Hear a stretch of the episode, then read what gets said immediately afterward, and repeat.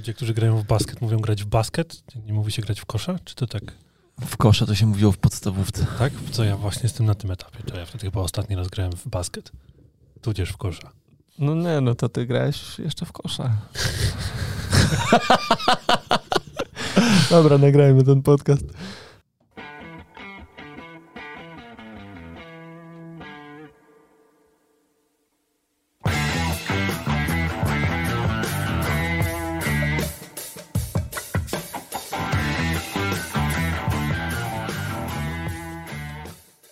Dzień dobry, fizjopasjonaci.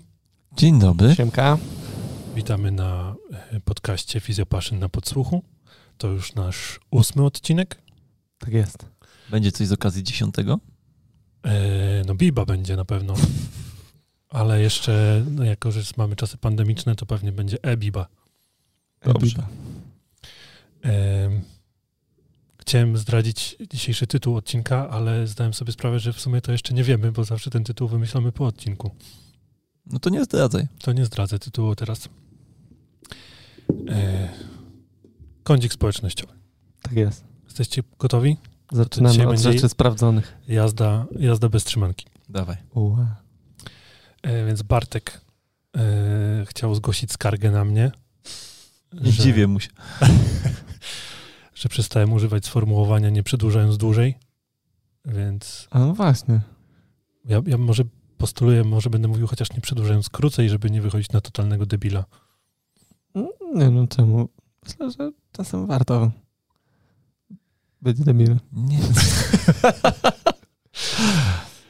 I przy okazji Bartek też pyta o to, e, o nasze jakieś topowe książki, jeśli chodzi o naukę. Wiedźmin. Poza, jeśli chodzi o naukę, Kuba. A, nauka. Ale to jest nauka życia.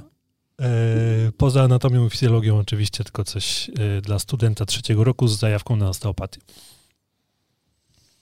Mm.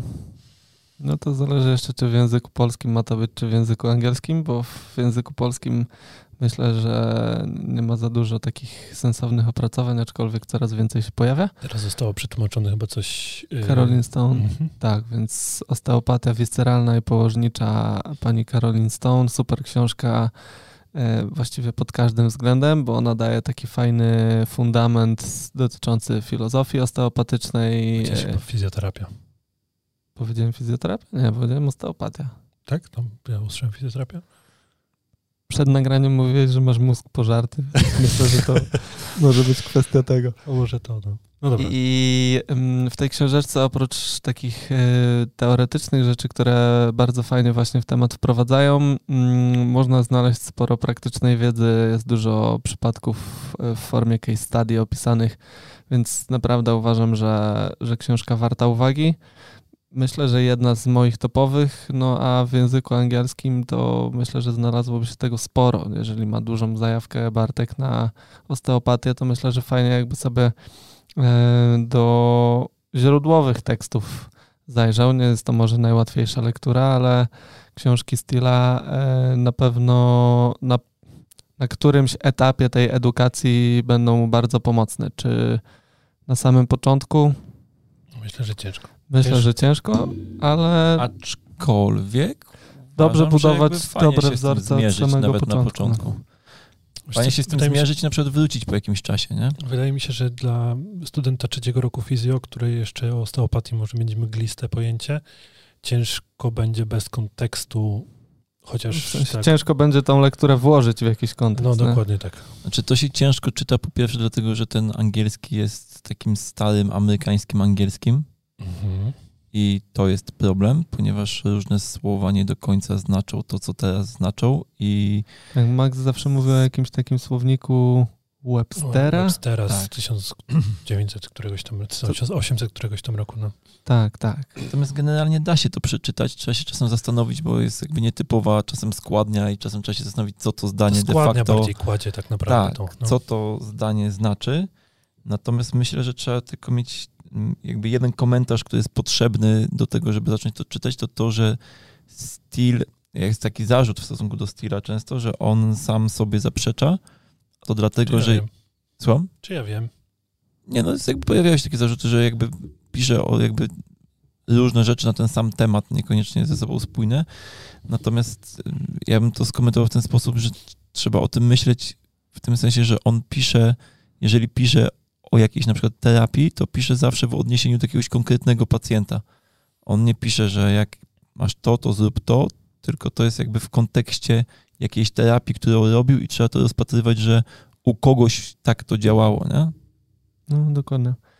E, wracając jeszcze do książek, e, no ja bardzo zawsze lubiłem, lubię i myślę, że nie przestanę lubić książek pana Leona Cheitoła. Mm, to też są takie lektury, które często są tak na pograniczu, powiedziałbym, czyli jest tam sporo takich typowo fizjoterapeutycznych treści, natomiast jako, że pan Cheitow był osteopatą, to to przemycał w tych swoich e, publikacjach e, sporo takich e, metodycznych rzeczy, może nie bardzo filozoficznych, jeśli chodzi o osteopatię, ale metodycznych w kontekście różnych podejść, czy technik energii mięśniowej, czy technik napięcia, przeciwnapięcia. Mm, dużo w tych jego książkach na ten temat można znaleźć. Także. E, ja generalnie na przykład nie lubię książek za bardzo, które są naładowane technikami, że technika na hmm. jakiś tam, nie wiem, na każdy mięsień po kolei albo coś tam, bo to mam wrażenie nie wnosi dużo, a mam wrażenie, że e, dużo naszych branżowych książek jest niestety napisane w ten sposób. No. E, ale coś Bo ty jesteś powiedzieć? wyjątkowy, ty zawsze oczekujesz czegoś innego niż tłumy, więc czy no może. W każdym razie y, na pewno pamiętam książkę Szlajpa na temat powieści, że ten wstęp teoretyczny był ciekawy, potem się już zrobiło mniej ciekawie. Podobnie z tymi Dla mnie ta książka jest nie do przeczytania, nie? Czemu? W sensie, e, no jakby jej grubość, nie? To jest taka książka, do której być może się wraca na zasadzie przerobienia jakiegoś elementu, jakiegoś rozdziału, Natomiast nie jest to książka, którą się super, e, na super flow czyta, nie? No nie jest, dlatego się no. znudziłem w tam, w, jak już przeszło do, do powiedzmy jego konkretów. Ten wstęp teoretyczny jest bardzo fajny, a potem już gdzieś tam to odpuściłem, nie? Czy ja w ogóle książek branżowych jakby nie czytam od początku do końca, nie? Jakby, po prostu jakby nie mój styl nauki, nie?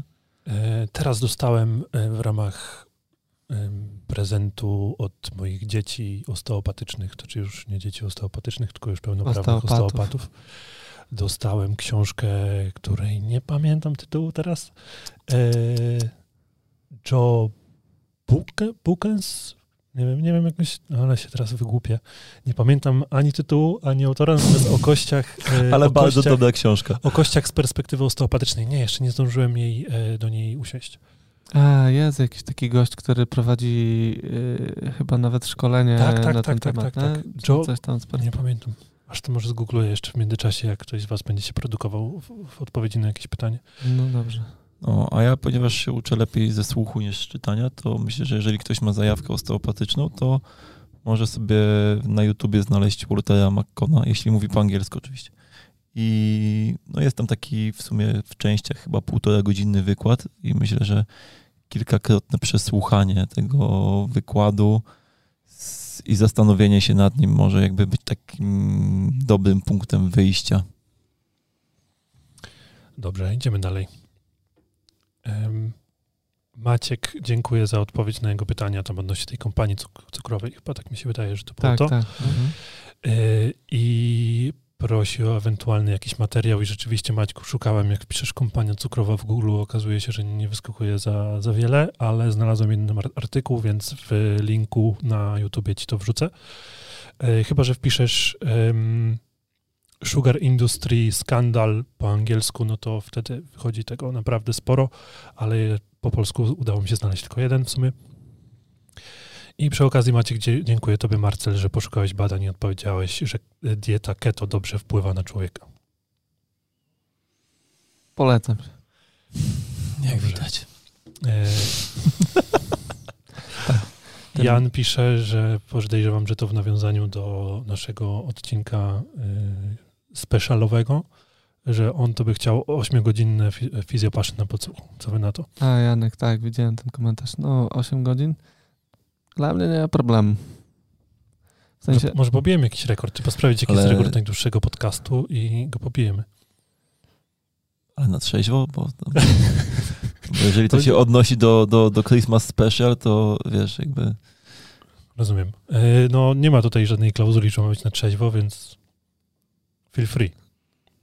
Znaczy ja teraz jakby prawie nie piję, więc nie wiem, czy dam radę pić 8 godzin, nie? To może być wyzwanie. Jak ten podcast miałby być nagrywany 8 godzin z alkoholem, to ja przypuszczam, że po dwóch godzinach już jakby byłbym Chrapiący. wyciągnięty y, z, z nagrania, nie? W sensie po dwóch godzinach mnie już by nie było na tym nagraniu. Nie no, ostatnio dałeś radę, nie? No, bo piłem jednego drinka przez całe nagranie. E, Artur Kub, e, ma pytanie do ciebie, Kuba. Słucham. Czy mógłbyś podać źródło lub nawet linka do tego wykładu o insulinooporności? Bo na poprzednim odcinku mówiłeś o insulinooporności, o tej ładnej takiej e, no, analogii i tak dalej. Dr. Jason Fung. O tej walizce, co mówiłem. Tak. Mhm. Tak. Dr. Jason Fung. To jest amerykański lekarz, który dużo jakby materiałów wrzuca na YouTube i yy, wiesz co, no, nie wiem, czy znaczy mogę spróbować znaleźć to, to konkretne nagranie, gdzie mówi o walizce, natomiast on mówi o tym jakby na różne sposoby i po prostu warto go posłuchać. E, są tam też takie krótkie jego nagrania, są tam case study, które on pokazuje, przykłady swoich pacjentów i są też bardzo fajne nagrania, gdzie on występuje, na przykład cały jego wykład jest nagrany, gdzie występuje na konferencji dla lekarzy, nie? Więc myślę, że to są takie dość jakby wiarygodne wystąpienia, bo jak ktoś, To może być to, bo mówię, że on o tej walizce mówił na konferencji dla lekarzy. no to może być to. So, i to ale to jest chyba nie jeden wykład z takiej konferencji.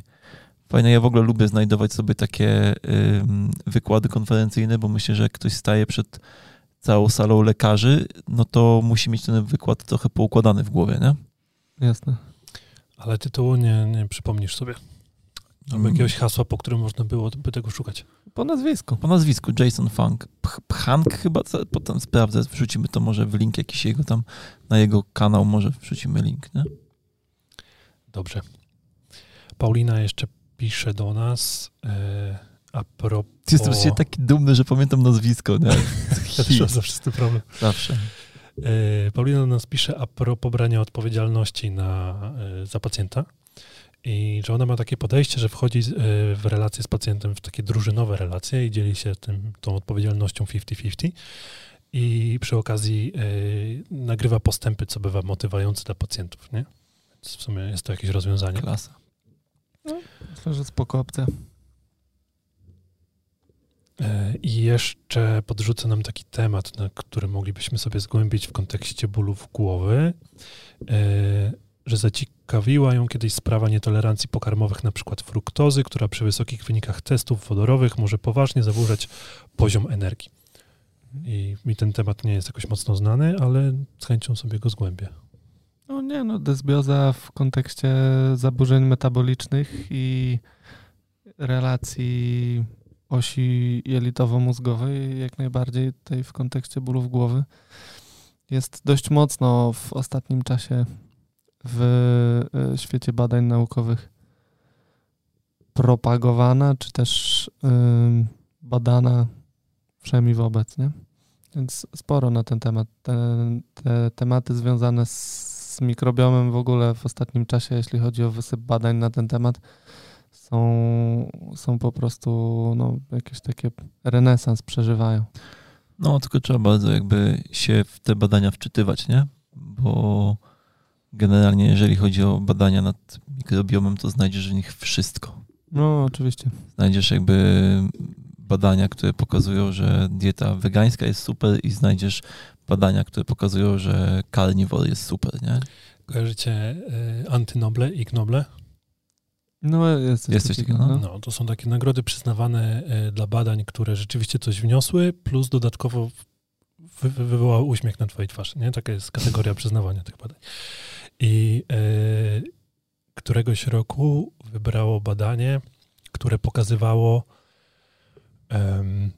zmiany w funkcjonalnym rezonansie u martwego karpia albo łososia, już nie pamiętam, chyba karpia, e, w, e, w reakcji na bodziec wzrokowy. Nie? Czyli były karpie.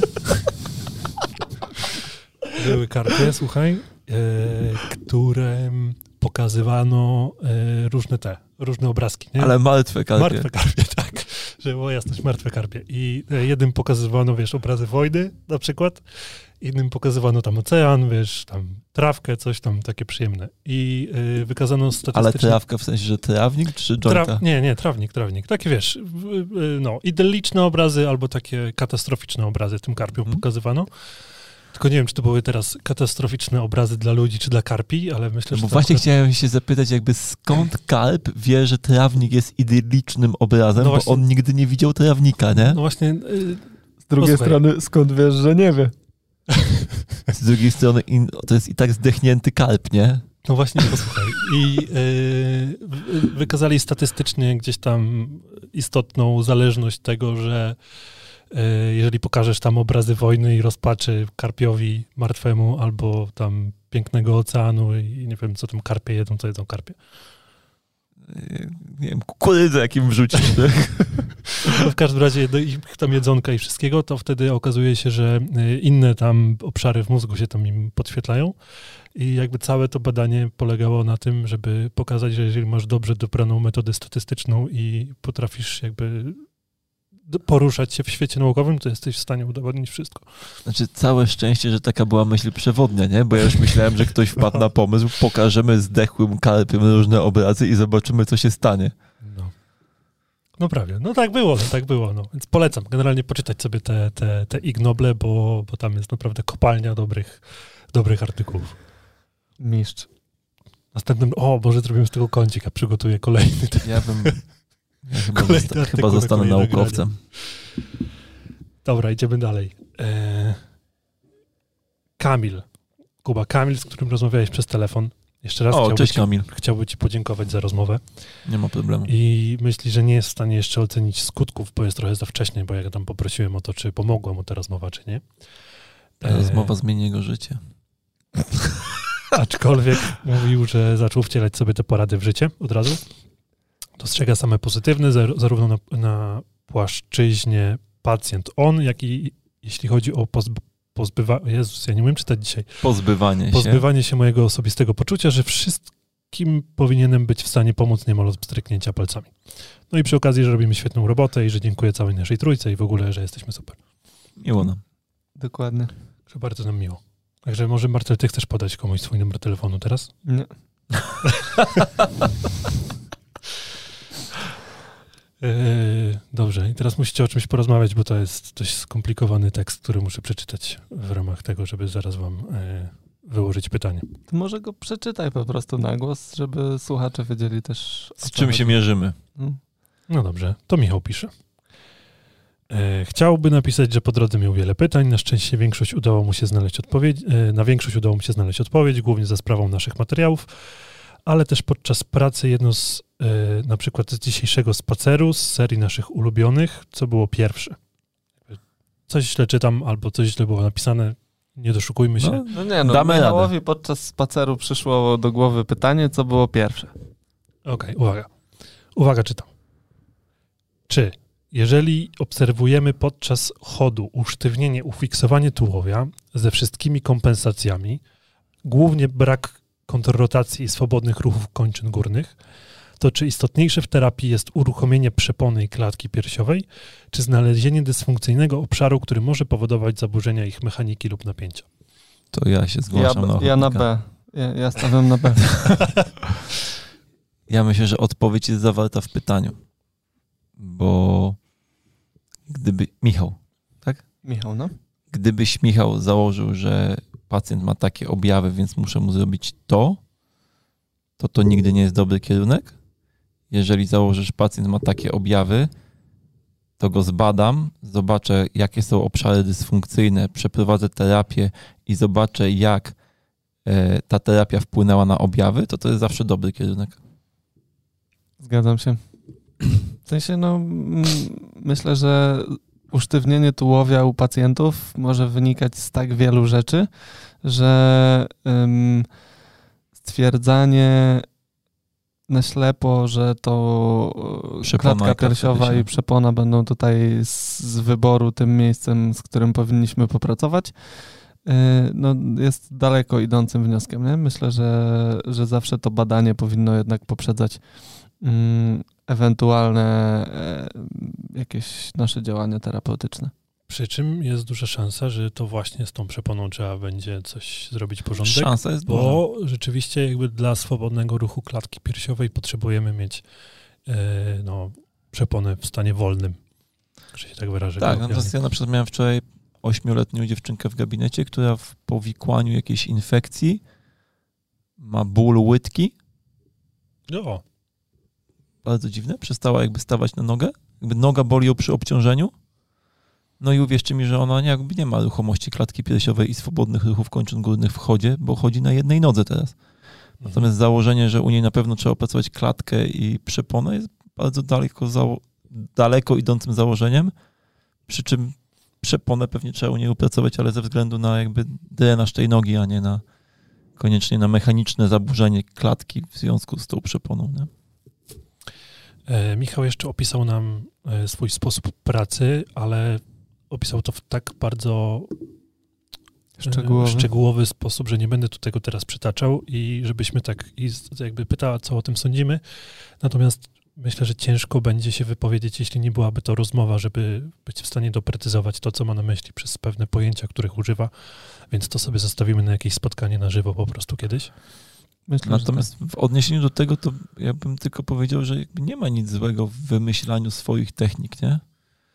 Jeśli kładziesz rękę na pacjencie i coś robisz i masz wrażenie, że jak położę drugą rękę tu i znajdę sobie jakby napięciowe połączenie między tymi dwoma obszarami i zacznę jakby nimi wzajemnie manipulować i to jest twoja technika i to działa, no to jakby super, nie? No to jest kluczowe, nie? To Czy jest, to działa? To jest, tak, no to jest Moim, zda moim, zdaniem to jest jakby wchodzenie na ten poziom, że uczymy się technik po to, żeby je zapomnieć, nie? Bo w pewnym sensie jakby masz jakiś tam swój worek narzędziowy, po czym jakby po prostu zaczynasz czytać, czego ten organizm pacjenta od ciebie potrzebuje i w, e, jakby w odniesieniu do potrzeb tworzysz sobie jakąś technikę, nie? Znaczy, generalnie ja tutaj może przywołam słowa e, Jean-Paula, które zapadły mi w pamięć, że my jako fizjoterapeuci i osteopaci często uczymy się tylko i wyłącznie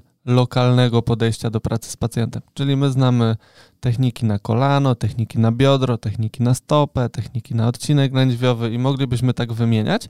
Natomiast jeżeli wzorzec napięciowy naszego pacjenta obejmuje jakiś większy obszar, tak, jest zaburzenie regionalne albo systemowe, to nagle się okazuje, że niekoniecznie potrafimy coś z tym zrobić, no bo my widzimy w badaniu napięciowym, funkcjonalnym połączenie, nie wiem, czaszki z miednicą, tak? I widzimy, że u pacjenta jest zaburzenie na tym poziomie, ale niekoniecznie potrafimy znaleźć y, taki, narzędzie. takie narzędzie, które y, zaopatrzyłoby, zaadresowałoby ten wzorzec napięciowy. Nie? I tak zazwyczaj to wygląda, że trochę popracujemy z miednicą, trochę popracujemy w okolicy czaszki, e, jakby licząc na to, że to nam zbalansuje jakby cały ten systemowy wzorzec, co nie zawsze oczywiście będzie miało miejsce, nie? więc y, Myślę, że kluczem w tym wszystkim jest to, żeby z perspektywy anatomii dostrzegać te wzorce napięciowe i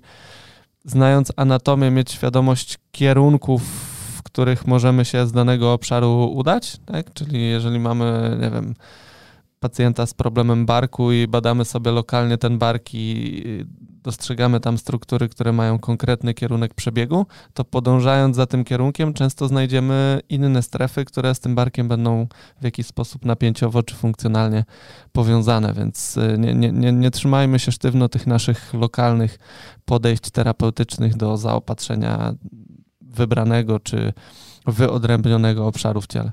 Też takim fajnym ćwiczeniem moim zdaniem jest, e, jeżeli w badaniu znajdujesz obszar, który Twoim zdaniem jest jakby źródłem problemu, a i ten obszar nie pokrywa się z obszarem objawowym, to jakby jeżeli chwycisz ten obszar i ten obszar objawowy, to jakby i zobacz, jakby chwyć sobie te dwa obszary i zobacz jakby jak organizm na to reaguje, nie? Moim zdaniem to też jest takie fajne ćwiczenie, żeby sobie zobaczyć jak czy one są skorelowane, czy one są skorelowane ze sobą. Dla naszych młodszych adeptów, którzy nas słuchają, yy mógłbyś troszkę wyjaśnić, co znaczy, jak organizm reaguje? Czego byśmy się mogli spodziewać w momencie, kiedy złapią za jeden i drugi obszar? No, mogło się zacząć dziać różne rzeczy od tego, że może pacjent zareagować na przykład e, autonomicznie, że może się pojawić jakieś napięcie mięśniowe, że może się natychmiast zacząć pojawiać efekt rozluźnienia, że pacjent może zacząć raportować na przykład, że robi mu się ciepło albo że ma gęsią skórkę. No, mega różne objawy mogą wystąpić, nie? Natomiast yy, nie wiem, czy chcemy tu wchodzić w kwestię jakby tego, że możesz jakby swoim jakby twój kontakt z pacjentem jakby może się odbywać na różnych poziomach, nie? Na poziomie skóry czy na poziomie płynów. Jeżeli jakby uważasz, że jesteś w stanie rozróżnić te różne kontakty, to możesz jakby poszukać na jakim poziomie jakby twojego kontaktu pacjent zaczyna odpowiadać na twój dotyk. Okej. Okay. okay. Mam nadzieję, że to choć trochę rozjaśniło to, co miałeś na myśli. No, myślę, że trzeba po prostu obserwować te reakcje, bo te reakcje to nie zawsze będzie tylko i wyłącznie to, co się dzieje pod naszymi rękoma. Zazwyczaj to będzie coś, co się dzieje między naszymi rękoma, a y, tak mówiąc jeszcze bardziej y, wprost, to autonomiczny układ nerwowy jest jak włącznik światła. Nie? Jeżeli traficie w coś, co E, ten autonomiczny układ pacjenta wzbudzi, to reakcja będzie natychmiastowa, tak? Czyli mhm. obserwujcie sobie właśnie zmianę potliwości, e, zmianę częstotliwości oddechu, bicia serca. E, skóry. Tak. No właśnie chciałem powiedzieć, że oddech często jest takim bardzo widocznym aspektem, nie? Bo pacjent jakby nagle zaczyna inaczej oddychać, nie? Albo bierze nagle głęboki wdech, nie? No, dokładnie. Dobra, idziemy dalej. Paweł e, pisze do pana Marcela. No to Paweł, jak jeszcze raz napiszesz do mnie na pan, to możesz być pewny, że odpowiedzi nie będzie. Bo przeczytał twój y, artykuł na temat splotów Patsona mhm. i nasuwa mu się jedno pytanie. Skoro wzrost ciśnienia wewnątrz jam naszego ciała wpływa na hemodynamikę i funkcjonowanie systemu żylnego zaopatru zaopatrującego kolumnę kręgosłupa, to czy pracując już z pacjentem w gabinecie, praca na przeponach funkcjonalnych i praca visceralna spowoduje poprawę u pacjenta, który zgłasza się do gabinetu z dolegliwościami, jakie zostały opisane w wyżej wymienionym tekście? Czy poprzez rozluźnienie przepon fizjologicznych i wdrożenie fizjoprofilaktyki jesteśmy w stanie realnie poprawić jakość życia pacjenta? Więc tak i tak. Mm, okej, okay, no mm, myślę Paweł, że znowu tutaj sam sobie odpowiedziałeś y, bardzo y, dobrze na to pytanie, bo dokładnie taki jest nasz cel w pracy z tym systemem. Są y, obszary, mm, które pełnią mocno strategiczną rolę w e, drenażu żylno-limfatycznym w naszym ciele i mm, takimi obszarami strategicznymi, takimi zaworami dla, dla tego drenażu e, między innymi są właśnie obszary przepon funkcjonalnych, więc jeżeli masz e, zaburzenia ciśnienia czy zaburzenia napięciowe w jamach ciała, czyli w tym powiedzmy centralnym aspekcie ciała Twojego pacjenta, to normalizując te napięcia i zmniejszając ciśnienie, będziesz poprawiał e, efektywnie drenaż żylno-limfatyczny. Więc jak najbardziej to jest naszym celem w pracy mm, zarówno terapeutycznej, jak i profilaktycznej, tak? Bo jeżeli myślimy o pracy terapeutycznej, to zazwyczaj my pracujemy z napięciami, które tworzą barierę dla prawidłowej pracy tego systemu żylnego. Natomiast y, w ramach profilaktyki pacjent poprzez czy to aktywność fizyczną, czy ćwiczenia oddechowe, czy przyjmowanie odpowiedniej ilości płynów e, może wpływać na to, żeby to ciśnienie mm, w systemie żylnym było jak najbardziej e, prawidłowe i żeby ten drenaż y, był po prostu zoptymalizowany, jeśli chodzi o, o, o, napędzanie tego drenażu. Tak? Jest kilka mechanizmów, które na pewno mają tutaj znaczenie. E, będą to ruchy oddechowe przepony, będzie to na pewno działanie pompy mięśniowej. Musimy też pamiętać, że ciśnienie naszej krwi tętniczej jest w pewnym sensie takim lokalnym mechanizmem napędzającym drenaż, bo e, naczyniom tętniczym towarzyszą zawsze naczynia żylne, więc ta fala tętna też będzie wspomagać powrót żylny na poziomie tych naczyń. Więc jest dużo mechanizmów, o których możesz sobie gdzieś tam poczytać, które bardziej już z poziomu profilaktyki będziesz mógł wykorzystać, a z perspektywy Twojej pracy z pacjentem uwalnianie napięć w rejonach przepon funkcjonalnych super opcja, więc polecam. E, to jeszcze chciałbym zaznaczyć, jakby podkreślić jeszcze raz tą bezzastawkowość tego układu, to znaczy, że przepływ jest w kierunku po prostu zgodny z gradientem e, ciśnień, mhm. więc e, ta praca przepony jest kluczowa, tak jak Marcel wspomniał, ale to, co jeszcze jest ważne dla lokalnego odpływu żylnego, to ruchomość poszczególnych segmentów kręgosłupa, bo ta pompa mięśniowa, jeżeli ma dobrze działać, e, to musi, musi być ruchomy każdy z tych segmentów. Może dojść do takiej sytuacji, gdzie macie jakoś tam przewlekle zablokowany dany segment i on będzie przez to gdzieś tam gorzej drenowany, no i gorzej będzie metabolizował wszystkie, e, wszystkie te historie. No to, o czym Darek powiedział jest ważne, bo e, ten system jest bezzastawkowy, ale jest taki system więzadłowy przy wyjściu korzenia. Y, mówiliśmy o nim chyba kiedyś, y, okrywki Forestiera. One pełnią rolę takich zastawek y, lokalnie właśnie na poziomie segmentarnym w kręgosłupie i jakby ruchomość segmentarna i praca przepony oddechowa, to jest to, co mm, powoduje, że te zastawki w pewnym sensie wpuszczają i wypuszczają płyn z rejonu e, kręgosłupa, więc e, bardzo, bardzo, bardzo ważny mechanizm, nad którym warto. Zastanawiam się, na jakim webinarze o tym mówiliśmy. To było chyba. A, na... to było na webinarze, a nie na e, podcaście. To było na webinarze chyba to, i to chyba była na Whiplashu. Whiplashu być może, no. Ej, a mógłbyś jeszcze raz pokazać ruch tej zastawki? Nie. Dobrze. I ostatni, ostatnia, na koniec zostawiamy naszą najwierniejszą słuchaczkę Kasię, która już pisze do nas po raz enty. Kasi I to bardzo trzeba... dobrze, bardzo lubimy Kasiu od ciebie wiadomości. Kasię trzeba będzie tu zaprosić kiedyś. Bo Kasia się tu odgraża, że już nie będzie nam zawracać głowy i że to na kilka tygodni da nam spokój. Nie, no myślę, weź że... Kaś. Kącik społecznościowy bez ciebie umrze. Tak. Więc Kasi głównym pytaniem, przyjemnym pytaniem tym razem, e, jest e, pytanie. Jakie są naszym zdaniem najlepsze książki i podcasty, które poszerzają nasze horyzonty jako terapeuty, ale nie są typowo fizjoterapeutyczne, e, są napisane łatwym językiem i oparte na dowodach naukowych, chociaż częściowo?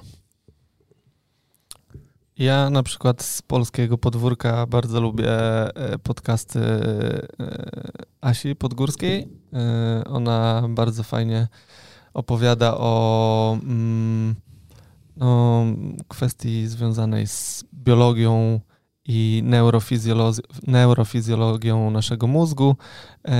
Mega fajne rzeczy na temat suplementacji, generalnie aktywności fizycznej, jakichś takich aspektów, w jaki sposób możemy o ten nasz układ nerwowy zadbać na co dzień, e, więc Asię na pewno polecę. E, czy ja, ja, też. Ja w ogóle, mm, jeśli kiedyś przesłucha ten odcinek, to chciałem jej bardzo podziękować, bo te jej podcasty, jak rok temu się zabierałem za siebie, za keto, potem za posty i inne, to, to te jej podcasty mi bardzo pomogły. Tam dużo, dużo wiedzy z nich wziąłem. No, także ja Asię serdecznie polecam. Teraz e, Asia generalnie prowadzi e, taki projekt e, Jak nie umrzeć i to jest... Bardzo mi się podoba tytuł. Trzeba stać się wampirem. To, to jest fajny projekt, w którym możecie się zapisać do newslettera i dostajecie codziennie jakieś takie fajne wskazówki, jak zadbać o siebie, żeby faktycznie ten moment śmierci nieco w czasie odwlec. Bardzo, bardzo fajni specjaliści tam się e, udzielają. Jest sporo na temat optymalizacji snu, e, na temat aktywności fizycznej. No myślę, że coś, co każdemu fizjoterapeucie będzie jakby na pewno przypasuje. O, tak to określę. I przyda się w codziennej pracy. Jeszcze sprawdzę tylko, czy nie przekręciłem nazwy tego projektu. Ja mogę polecić taki podcast Health Theory Tom Bil, Bilu, on się nazywa, Bilau się pisze. E, I on tam zaprasza różnych gości i ja już jakby kilka osób e, z tego podcastu wyhaczyłem, w sensie jakby gości, którzy tam byli, o czymś ciekawym mówili Ja sobie potem jakby szukałem po nazwisku. W ogóle ja mam taki system, nie? że jakby często właśnie z tego Health Theory znajduję jakiegoś jego gościa, słucham podcastu u niego, potem wpisuję tego gościa, znajduję jakby inne rozmowy z nim i na przykład kończę tą przygodę kupując jego książkę. Tak na przykład zrobiłem z Markiem Sissonsem, który ym, ma taką firmę, znaczy napisał książkę Primal Blueprint i no i teraz mi wypadło nazwisko, yy, ale taki gość właśnie od snu. Też kupiłem jego książkę bardzo fajną. No tylko niestety to wszystko jest po angielsku. Jeśli interesuje Was takie psychologiczne podejście do, do, do pacjenta, albo generalnie po prostu coś na temat psychiki ludzkiej, to polecam posłuchać sobie podcastów albo wykładów Jordana Petersona. On co prawda robi na milion różnych tematów te swoje wykłady, ale ma takie cykle tematyczne gdzieś tam e, o, o osobowościach, o innych tam różnych dziwnych rzeczach, więc jeżeli dobrze poszperacie, to na jego kanale na YouTubie można znaleźć takie listy do odsłuchań. Tam jest często po 30 godzin na, na, na dany temat, więc, więc warto sobie tego posłuchać. I e, jeśli chodzi o podcasty na temat zdrowia, to może to nie jest to podcast stricte na temat zdrowia, natomiast u Joe Rogana pojawiają się goście bardzo różni, więc polecam sobie śledzić tam z reguły jakichś dwóch gości na, na tydzień. Ostatnio był e, bardzo ciekawy lekarz, który zajmował się, zajmuje się wyprowadzaniem żołnierzy z e, post-traumatic stress disorder. Nie wiem, czy to widziałeś, Kuba? I on ma tam taką bardzo autorską metodę, znaczy nie tylko żołnierzy, ale generalnie ludzi z, właśnie z takich jakichś tam zaburzeń różnych, dziwnych, gdzie E, klasycznie medycyna podaje po prostu psychotropy i, i, ewentualnie jakąś terapię gadaną, którą co nie zawsze przynosi efekty, a on się zajmuje tym od strony e, biochemii mózgu, czyli suplementacji, o tym, tam odpowiednich witamin, pokarmu i tak dalej, i tak dalej. I no jeszcze nie zdążyłem tego przesłuchać do końca, ale bardzo ciekawy wykład, już nie pamiętam niestety tego nazwiska, nie mam pamięci do nazwisk, ale w przeciągu ostatniego miesiąca na pewno to się, to się gdzieś tam pojawiło u Jorogana. Więc ja na przykład tak robię, że słucham sobie Jorogana i no. ewentualnie, jeżeli ktoś mi wpadnie, no tak jak ty mówiłeś z tym Health Point, to sobie potem e, googluję Health. Health, Health Theory, przepraszam. E, Ale Health Point to też dobra nazwa. E, u Joe Rogana jest bardzo fajny odcinek zresztą z tym Markiem Sissonsem też e, od Primal Blueprint. Natomiast... E, jeszcze chciałem tylko powiedzieć a propos no. tych podcastów Joe Rogana, że to są bardzo fajne podcasty z uwagi na to, że Joe Rogan to jest regularny Joe. On nie ma po prostu jakiegoś szerszego pojęcia na, na jakiekolwiek tematy medyczne. Jeżeli ma tam swoich gości, to oni w bardzo przystępny sposób o tym wszystkim rozmawiają. Tak. Natomiast ja chciałem powiedzieć a propos jeszcze podcastów, że ja u Joe Rogana nie oglądałem nic w styczniu, bo w styczniu zrobiłem sobie taki, ponieważ mam trochę innych dodatkowych y, zadań na głowie w styczniu, to w wolnym czasie już jakby nie słucham o zdrowiu, zrobiłem sobie jakiś taki odpust. E, za to ostatnio słucham trochę pana Millera, który mówi ciekawe rzeczy na temat whisky, co zaowocowało tym, że zacząłem jakby, chyba zacznę zbierać whisky. Dobrze pędzić. Nie, no, pędzić nie, to jakby w chacie się nie uda, natomiast jakby zbierać. Dobrze. To też może się u ciebie w chacie nie udać. Nie, to się bardzo dobrze udaje. Ale to już puste butelki będziesz zbierał, czy co? Nie, no pełne. Pełne. Takie wiesz, żeby co jakiś czas sobie spróbować takiej, czy takiej, czy porównać, wiesz. Dostałem A. zresztą na święta takie e, kieliszki degustacyjne, więc jakby sprzęt już jest. E, teraz jeszcze tylko wlewkę do tego sprzętu trzeba skolekcjonować. Dobra. E, Kasia jeszcze e, mówi, że podobało jej się to, co powiedziałeś, Kubo, na ostatnim podcaście, że nie jesteśmy w stanie wszystkim pomóc. No nie. I e, przypomina sobie, że na kursie z PNF-u jeden z prowadzących powiedział takie zdanie, że jedna różnica między nim, czyli tym prowadzącym super doświadczonym, a kursantami jest taka, że on zna swoje granice, a im się jeszcze wydaje, że mogą więcej niż to możliwe. I to był ten prowadzący, o którym ty opowiadałeś. Sakis. Sakis? The best. No. The best. Sakis, y, on jest w ogóle profesorem na Uniwersytecie w Tesalonikach i tam wykłada kinezjologię chyba.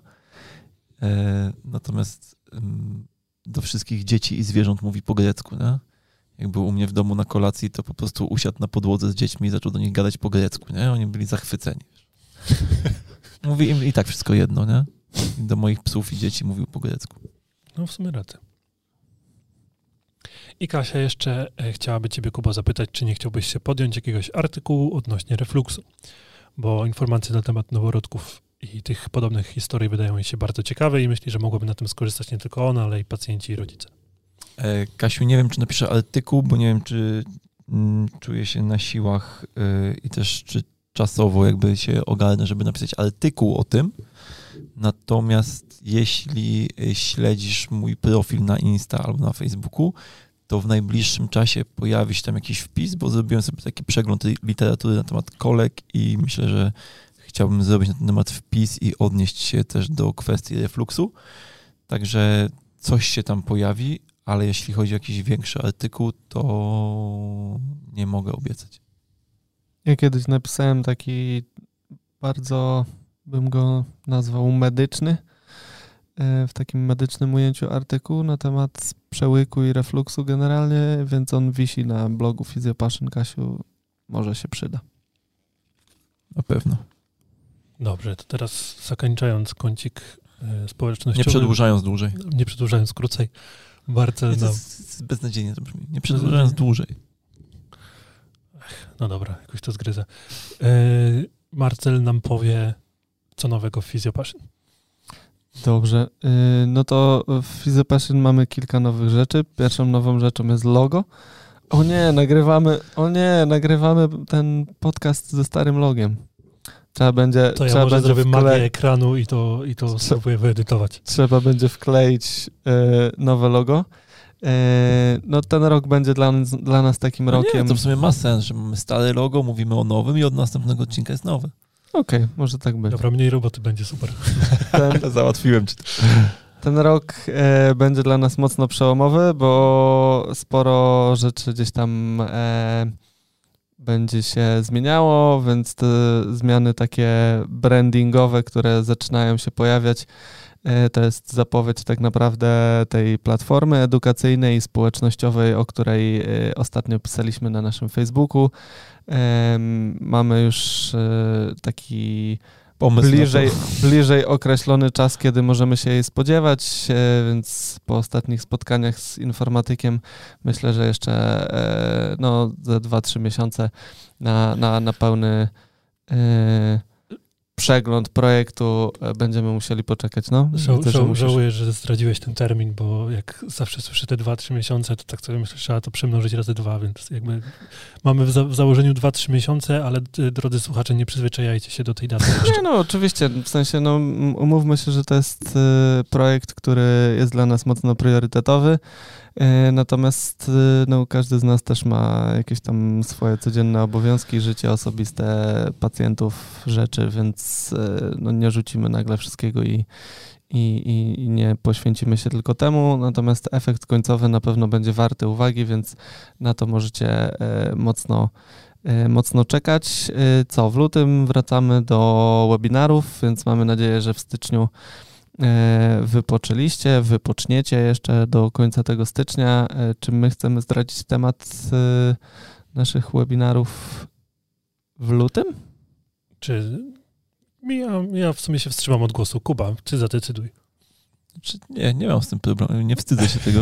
Okej, no dobrze. E, Generalnie Wra- wracamy do sprawdzonego już w ostatnich miesiącach ubiegłego roku schematu, czyli w danym miesiącu będziemy poruszać z takiej bardzo szerokiej perspektywy jakiś, e, jakiś temat, jako że mamy takie założenie, że te webinary, które realizujemy, chcemy, żebyście raz byli do nich przygotowani, a dwa, żeby te treści, które e, tworzymy na webinarze, były poprzedzone no, jakimś, jakąś formą zajawki, wprowadzenia, dzięki czemu możemy po prostu na tym webinarze w pewien kontekst te, te nasze treści czy praktyczne rzeczy, które tam pokazujemy, Wam włożyć. Więc w lutym będzie y, staw skokowy.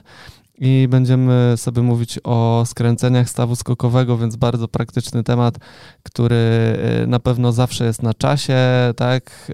Y, opatrunki gipsowe, chłodzić, nie chłodzić, tejpować, nie tejpować, jak sobie z tym radzić, jakie konsekwencje y, ewentualnie u, u takich pacjentów, jak z takim pacjentem pracować bezpiecznie. Więc podzieliliśmy się tematyką. W pierwszym tygodniu lutego ja będę opowiadał o różnych kwestiach związanych z bezpieczeństwem. W drugim tygodniu chyba będzie. Ja. Chyba będzie pan Jakub. Pan Jakub o czym?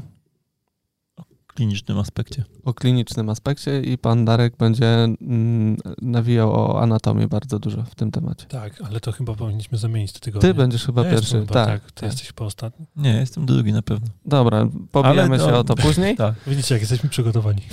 E, w każdym razie nasze kalendarze to na pewno bardzo dobrze pamiętają. Mm, W lutym staw skokowy i e, jeżeli będziecie mieć jakieś konkretne oczekiwania, pytania też co do tej tematyki, to śmiało piszcie do nas. No i myślę, że na razie to tyle. Co dwa tygodnie regularnie publikujemy podcasty, codziennie publikujemy coś w naszych mediach społecznościowych, a w każdą sobotę na blogu pojawia się y, artykuł, więc y, no, możecie sobie jakoś ten kalendarz y, naszych publikacji ogarnąć i, i, i zaglądać do nas regularnie. A Nie wiem, czy wspomniałeś, ale że będziemy mieli bezpłatny webinar jeszcze w połowie lutego? No tak, będą dwa webinary odnośnie tego stawu skokowego. Jeden będzie bezpłatny w drugim tygodniu lutego, a w ostatnim tygodniu będzie płatny webinar. Tak jak w tamtym roku 99 zł, nie podnosimy cen. plus VAT. Nowy rok, nowy my, ale stare ceny. Tak, dokładnie. E, więc zapraszamy Was do śledzenia i, i oczywiście zapraszamy do udziału w webinarach. Mm, no i tyle, jeśli chodzi o nowości. Ja się chciałem tylko odnieść, bo powiedzieli, że każdy z nas ma jakieś życie prywatne i chciałem wam powiedzieć, drodzy słuchacze, że nagrywamy ten e, podcast w Dzień Babci. Więc jeśli to oglądacie, a nie dzwoniliście do babci, to Nagrywamy. teraz jest ostatni moment. My nagrywamy, czy on idzie w dzień babci? Nie, nagrywamy. Dzisiaj jest Nagrywamy, Dzień dzisiaj Babci. jest Dzień A, babci. i teraz Jutro jest ten- Dzień Dziadka, czyli parę dni temu był Dzień Babci i Dziadka. Dobrze. E, jeszcze zapomniałem, bo Kasia tu napisała takie super zdanie e, a propos kawy, że ona jest team młynek i kawiarka, ale zawsze to przeklina, jak e, przychodzą goście i mija pół godziny, zanim wszyscy dostaną kawę. I wtedy marzy o ekspresie. Nie, Kasia, musisz kupić większą kawiarkę. Czy ja o tym już mówiłem? Tak, Że kupiłem wielką kawiarkę? Tak, tak, tak. Dlatego Kasia o tym mówi właśnie. No, jest mega, mega. Natomiast, a dobra. Dobrze.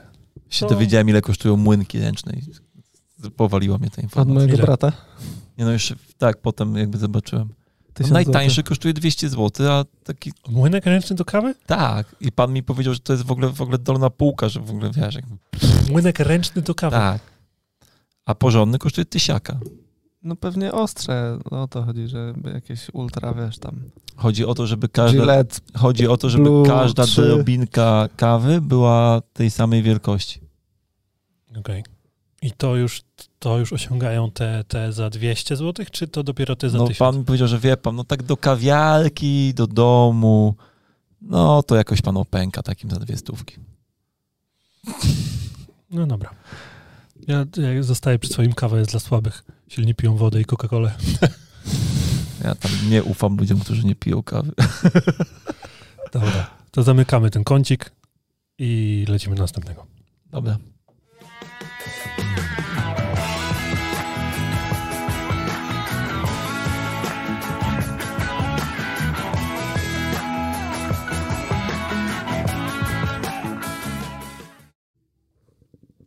Teraz mi się przypomniało, że jeszcze się nie przedstawiliśmy w tym odcinku. Więc To jest y, Darek. ja się nazywam Dariusz Kowalski, razem ze mną jest Marcel Mieszkalski Dzień dobry. i Jakub Durczak. Dzień dobry. Także takie przedstawienie w połowie, w połowie podcastu. Przerzucisz to na początek, czy nie? Nie, No. trudno. Tak pilnujecie, widzicie? Słuchajcie, jakby ktoś, powiedzcie ludziom, że jakby ktoś chciał się dowiedzieć, kto prowadzi ten podcast, to trzeba przesłuchać do połowy.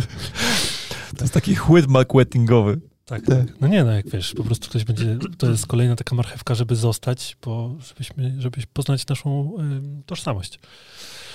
Yy, czy w kąciku gabinetowym ktoś ma jakieś przemyślenia? Bo ja w tym, tym tygodniu niestety nie, nie, nic mi nie wpadło do głowy. Ja miałem jakieś. Nie. Zwątpiłeś? Nie, jakby wypadło mi, kompletnie mi w tym momencie wypadło, bo jakby coś miałem. A ja miałem coś sprawdzić w międzyczasie. Nie pamiętacie, co ja miałem sprawdzić w międzyczasie? Miałeś Kompanię sprawdzić cukrową. nazwisko, e, nazwisko tej, tego autora tej książki. A, właśnie. Właśnie, właśnie, właśnie. Dobra, to ja to będę sprawdzał, a wy możecie w takim razie toczyć główny temat numeru. Dobrze. Czyli słuchajcie, wczoraj, wczoraj, nie wczoraj, w środę, dni temu. w środę w zeszłym tygodniu mm, na naszym e, Facebooku i Instagramie pojawił się tekst od Darka odnośnie e, pacjentów, którzy przychodzą do nas em, z wynikami badań obrazowych i oczekują trochę od nas, że, że, że, że coś z tymi wynikami badań zrobimy, czyli mm, krótko mówiąc, tekst nawiązywał do tego, że czasem pojawia się mm, potrzeba ze strony pacjentów, żeby nie leczyć ich samych, tylko wyniki ich badań. E, No i ten tekst spotkał się z na tyle e, pozytywnym odbiorem i szerokim, że postanowiliśmy zrobić z niego temat dzisiejszego odcinka, e, więc jako, że Darek jako nasz główny prowadzący jest zajęty, to ja oddeleguję Kubę do tego, żeby wprowadził was w temat. No tak. Często tak bywa, że przychodzą pacjenci ze stosem badań. E, Ja jakby nie chciałbym, żebyśmy nadali tej rozmowie taki ton, że te badania są nieistotne i nieważne. Natomiast e, trzeba pamiętać o tym, że badania mm, obrazowe są badaniami pomocniczymi. I dla nas najważniejszą rzeczą, którą z takich badań powinniśmy wyłapać, to są poważne patologie. E, natomiast z drugiej strony, jeśli pacjent ma poważną patologię, to o tym wie i zwykle jest na nią wyczulony e, lub został zaopatrzony już jakoś inaczej.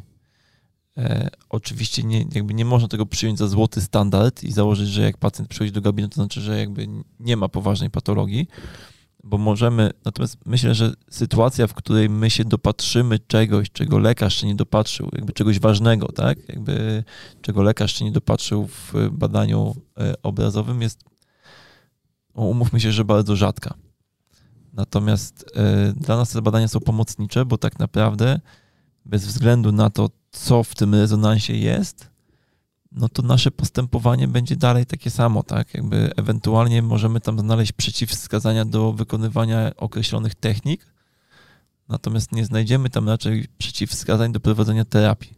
Czy jest to sytuacja bardzo rzadka.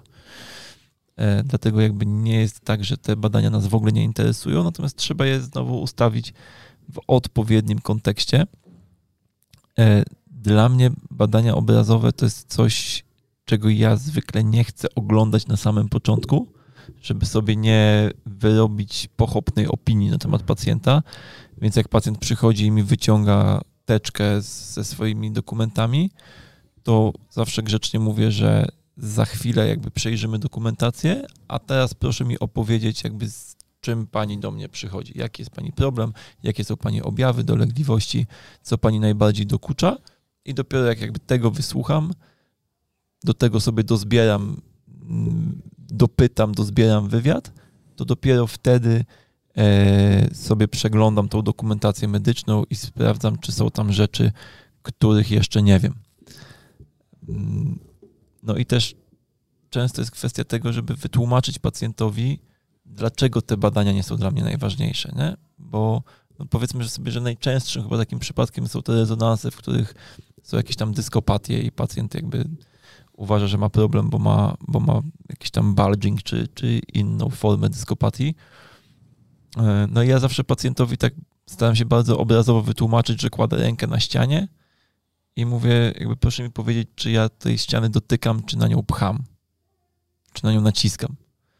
Pacjent mówi, że jakby no nie da się powiedzieć i ja mówię, że no właśnie, no i tak samo jak się nie da powiedzieć ze zdjęcia, czy te struktury są uciśnięte, czy są tylko dotknięte, czy one się zaadoptowały i mają taki kształt, czy ten kształt jest zmieniony jakby patologicznie, więc to jakby ten obraz dopiero w korelacji z objawami, z wywiadem, z jakimś badaniem daje nam pełny obraz. Nie? No właśnie, to, to chciałem rozwinąć, że mm, jeżeli mamy jakiś obraz radiologiczny pacjenta, to powinniśmy to nałożyć na, na jego obraz kliniczny. Mhm. I teraz, e, jeżeli te objawy się nie pokrywają, to de facto ten nasz, ten nasz Obraz kliniczny jest ważniejszy od obrazu obrazowego. Tak, e, obrazu radiologicznego i w tym wypadku jakby te badania obrazowe nie są nam przydatne, no wiadomo, do wykluczenia jakichś tam ewentualnych przeciwwskazań do konkretnych technik i tak dalej, i tak dalej, ale nie jest to klinicznie istotne, nie są to wtedy kliniczne istotne zmiany i właściwie mogę sobie to w cudzysłowie e, pominąć, to badanie obrazowe, nie?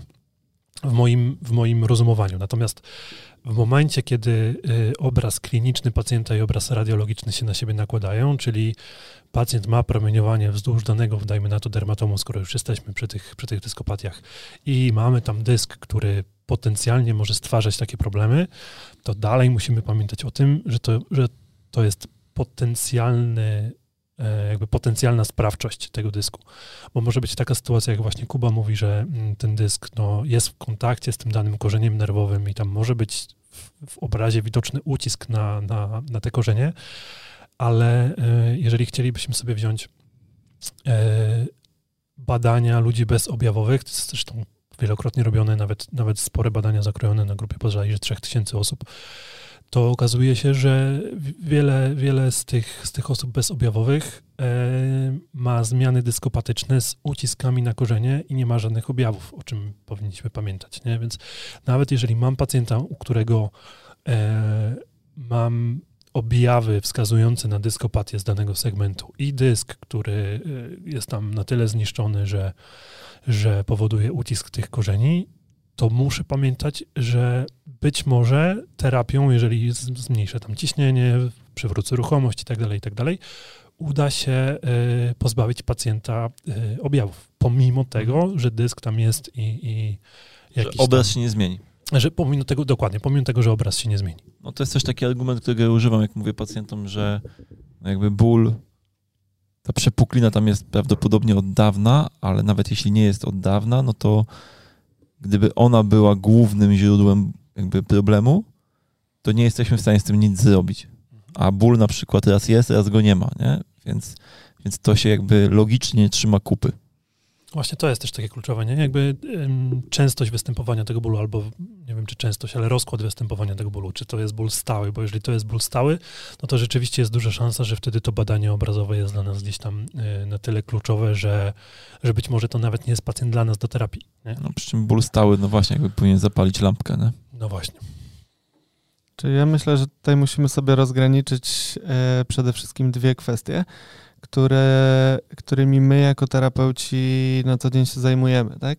Czyli powinniśmy sobie rozgraniczyć badanie naszego pacjenta na badanie strukturalne, gdzie będziemy bardziej mm, celować właśnie w prowokację objawów z konkretnych struktur, które być może zostały mm, uszkodzone lub toczy się w ich obrębie jakiś stan zapalny i na badanie e, bardziej funkcjonalne, no bo te dwa aspekty będą ze sobą bardzo mocno powiązane. Będziecie mieć w, w gabinecie pacjentów, którzy w obrazie radiologicznym no, wynik tego badania jest fatalny, natomiast zaczniecie robić funkcjonalne badanie takiemu pacjentowi i się okaże, że on ma całkiem niezłe zakresy, że e, siła mięśniowa jest w porządku, nie ma żadnych deficytów neurologicznych.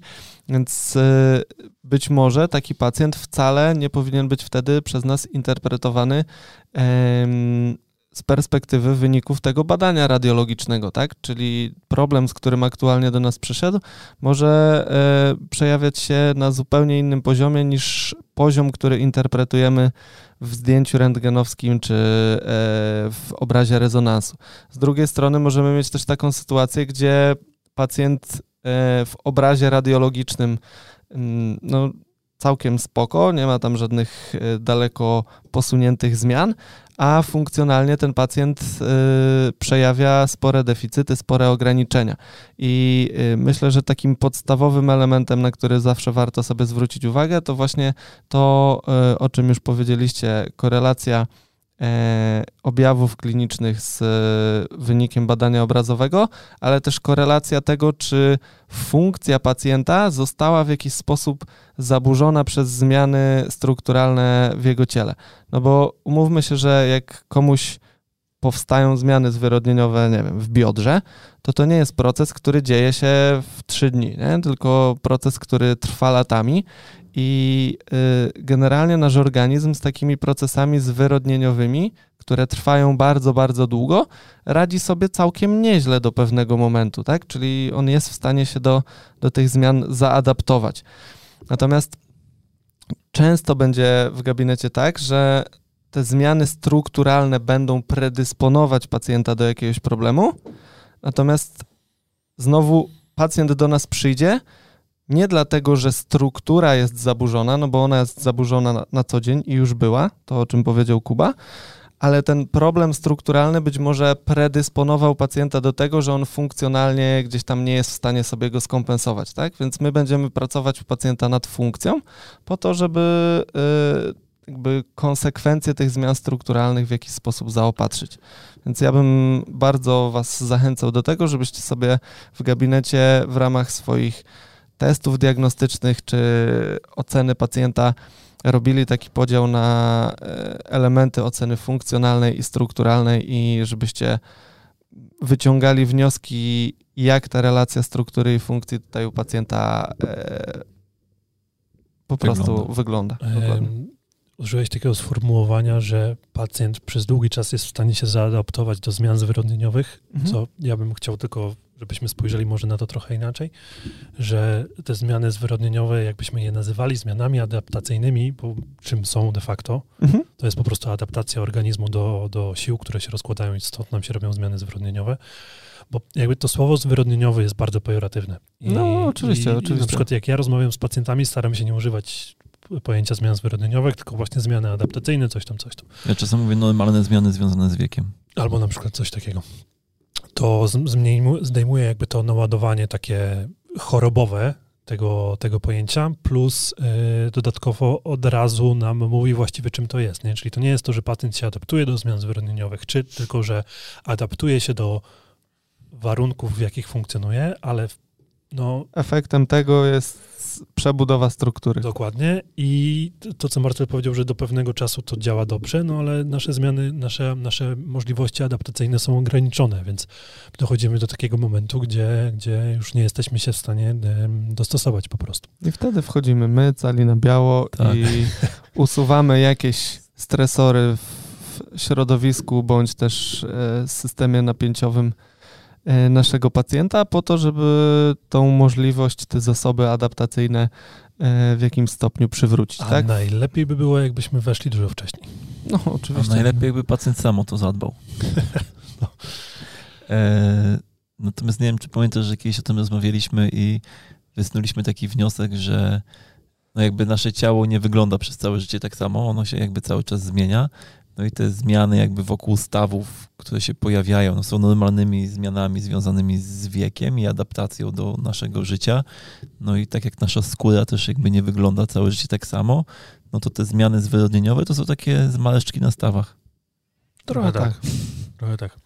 Ale zmarszczki znowu brzmią źle, szczególnie paniom się źle kojarzą, więc zostańmy przy tym określeniu zmiany adaptacyjne. To brzmi tak ładnie. Zmiana, mądrze tak. Tak. Mm. A, w końcu ja powiedziałem coś mądrego. Jej. Um.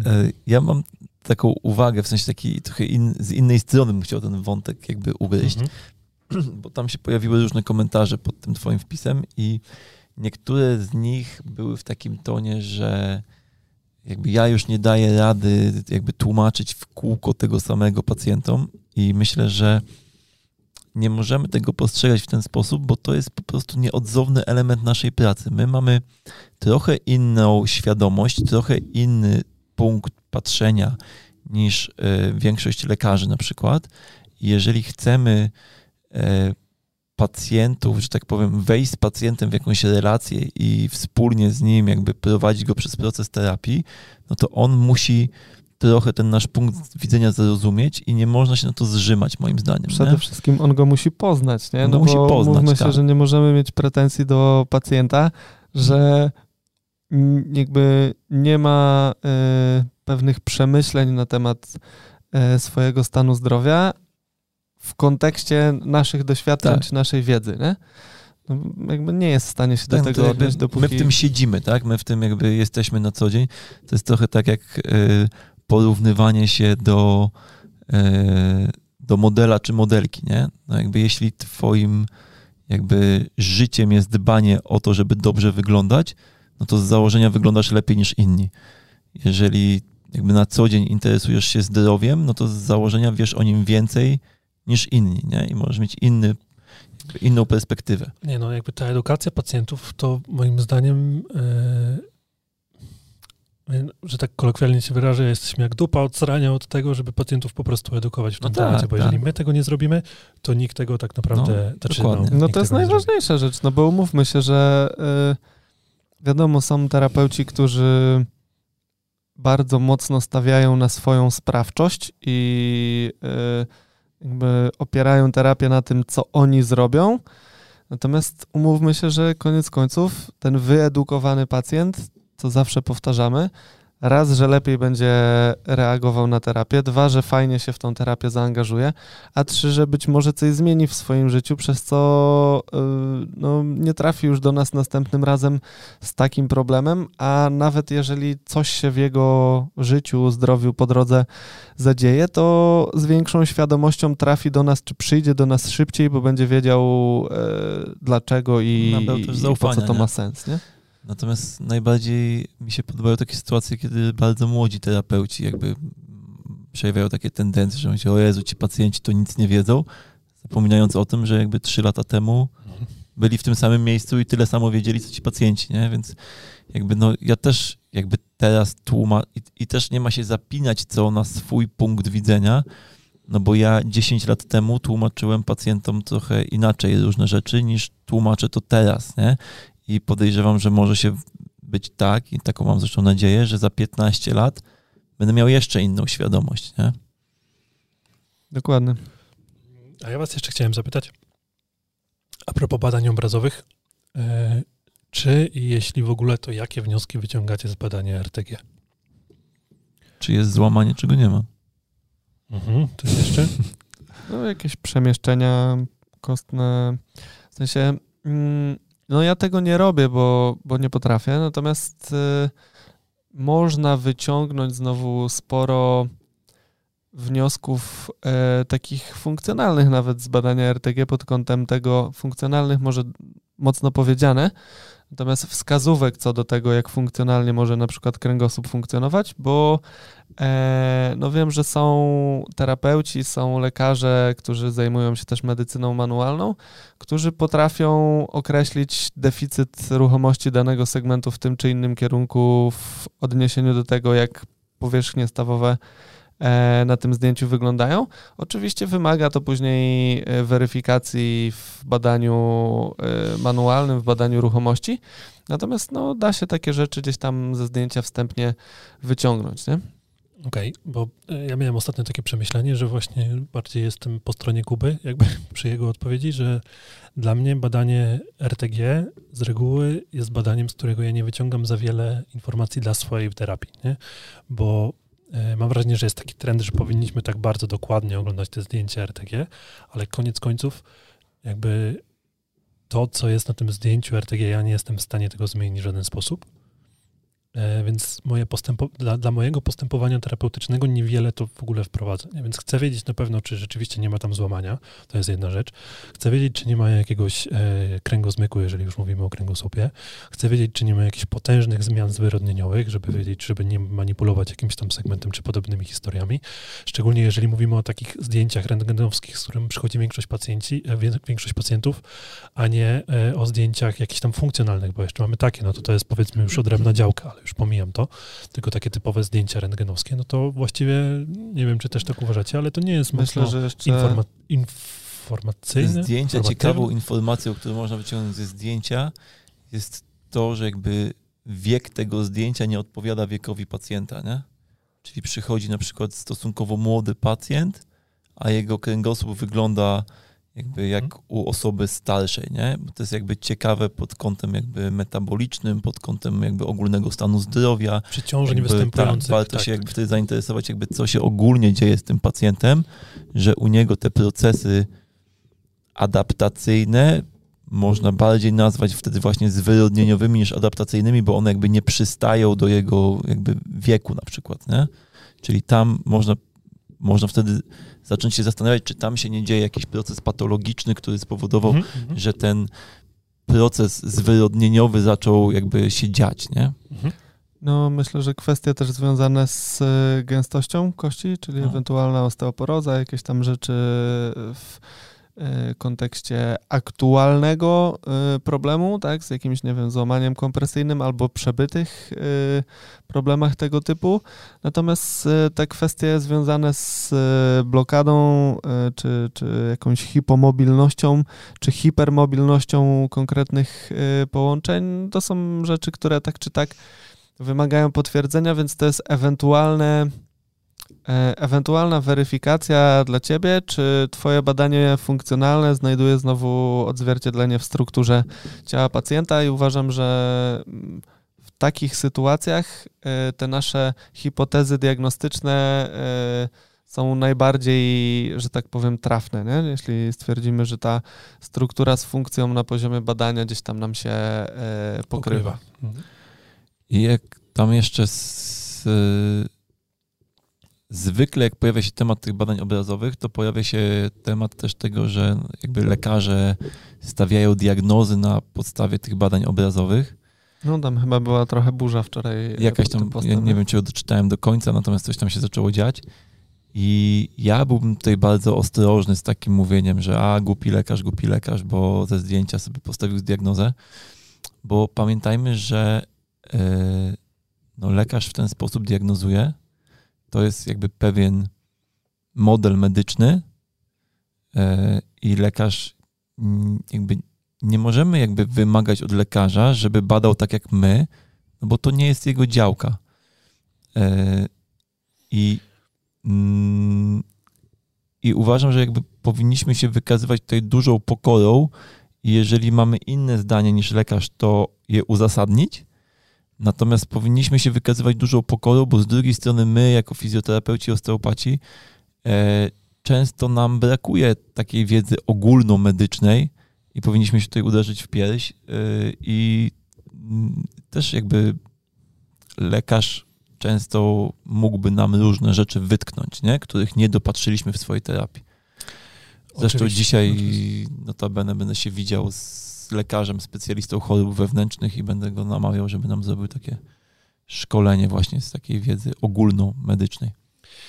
E, Ja chciałbym zwrócić uwagę na to, że to nasze różne podejście do tego, bo tak naprawdę jeśli chodzi o naszą fizjoterapeutyczną pracę, już pomijam na razie tą osteopatyczną, to zazębiamy się w lekarzach właściwie z lekarzami na niewielu działkach. Nie? Znaczy, no, jeżeli robimy jakąś tam kardiologiczną czy coś tam, to jeszcze powiedzmy takie inne dziwne rzeczy wchodzą w grę.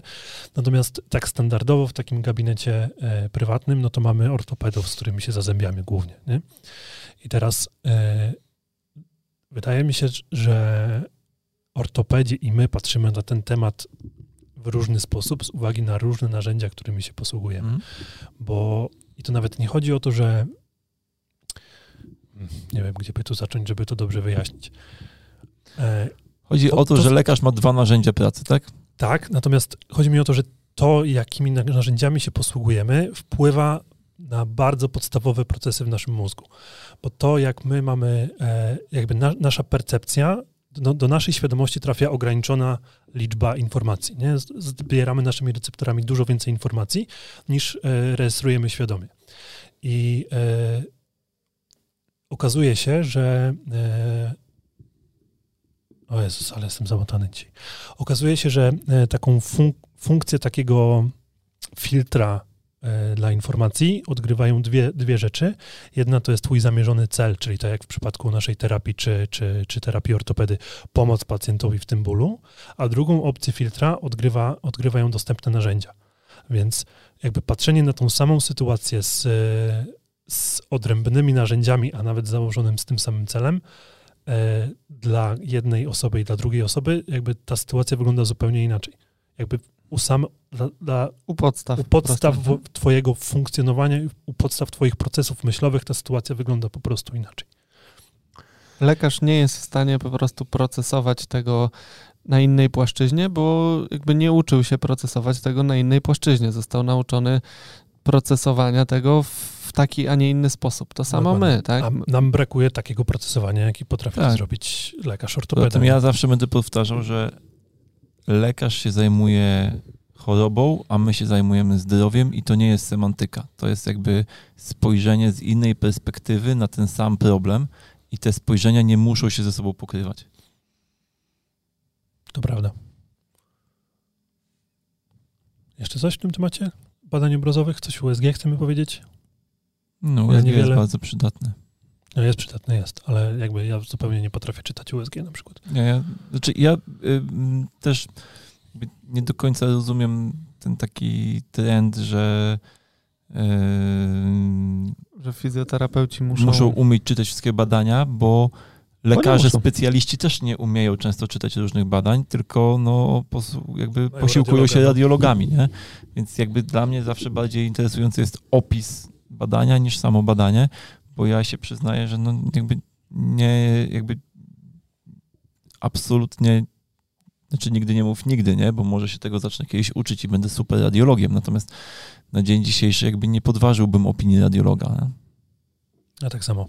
No, myślę, że mm, wszystko zależy od tego, w jakim kierunku byśmy chcieli pójść, bo y, ostatni rok myślę, że bardzo mocno mi uświadomił, że łapanie 15 srok za ogon to nie jest najlepsze e, rozwiązanie, więc taka myślę, że rada w formie przemyślenia, y, o której zresztą dzisiaj jedna z naszych słuchaczek obserwatorek na chyba Instagramie napisała, że, że często nie dajemy sobie czasu na przepracowanie jakiejś, jakiejś wiedzy, którą, którą podejmujemy. em, w ramach kursów, takich czysto fizjoterapeutycznych, a już rzucamy się na kolejne tematy i chcemy jak najszerzej tą naszą wiedzę e, rozbudować.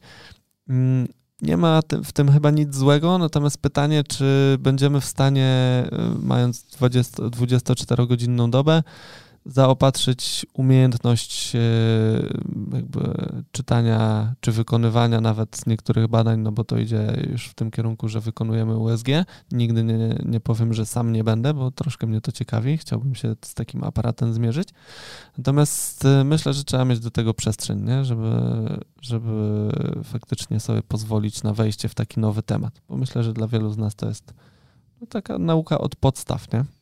Więc najpierw zastanówmy się, czy mamy narzędzia do tego, żeby manualnie ocenić ewentualną zmianę, która w wyniku USG się pojawia, czy mamy narzędzia e, potrzebne do tego, żeby z taką ewentualną zmianą e, popracować, a myślę, że dopiero w tej następnej e, czy, czy w kolejności na następnym miejscu postawiłbym umiejętność czytania samego badania, nie mówiąc już o wykonywaniu tego badania. Kiedyś e, Arnold Schwarzenegger powiedział, jak, e, Zanim jeszcze był gubernatorem.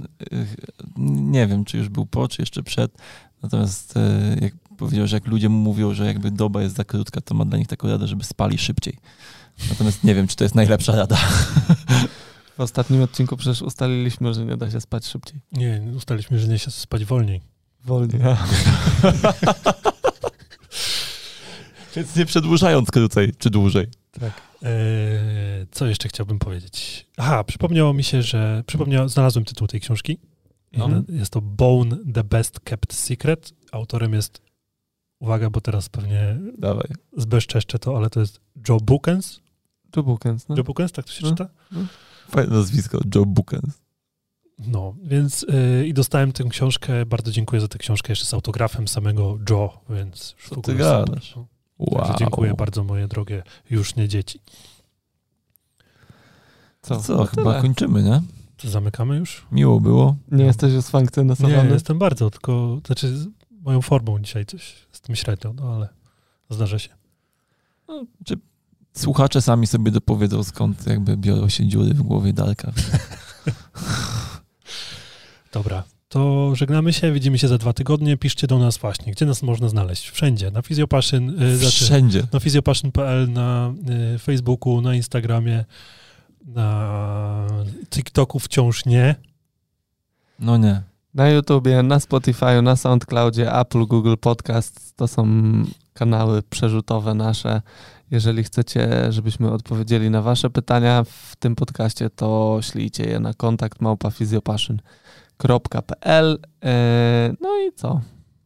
Dziękujemy za wysłuchanie dzisiejszego odcinka. Dziękujemy. Dziękujemy.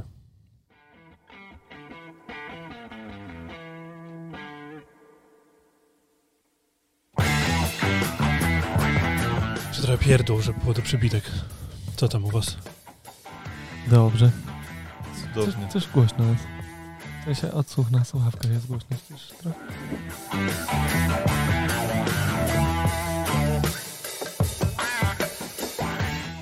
Że kiedy? Raz, raz. No To jest twoje? No to jest moje.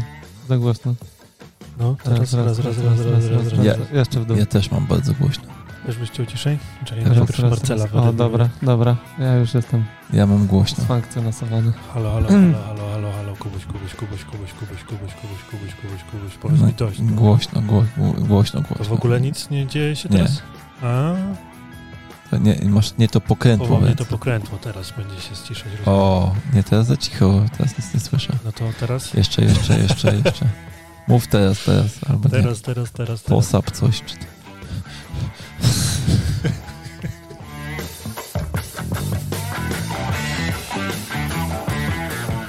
Już dobrze?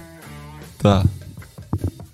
Jeszcze ja się tu muszę usansfa coś tam nować usfankcjonować, usfankcjonować, usfankcjonować. Zaspokoić.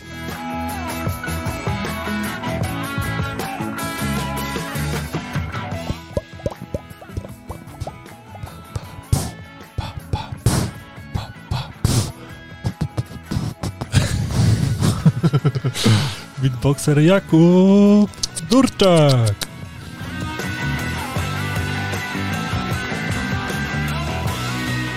Aha, jakie podcasty polecamy? E, tylko jeden. Zapraszam na pracę.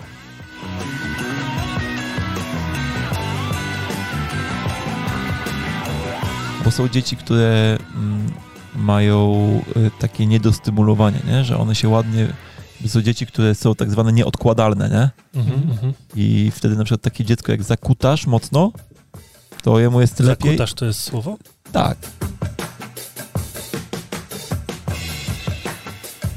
No, let's go. chcieli pogadać? Znaleźć się w loopersach? Powiedz jaki czart. Nie znam żadnych żartów. Jestem smutny.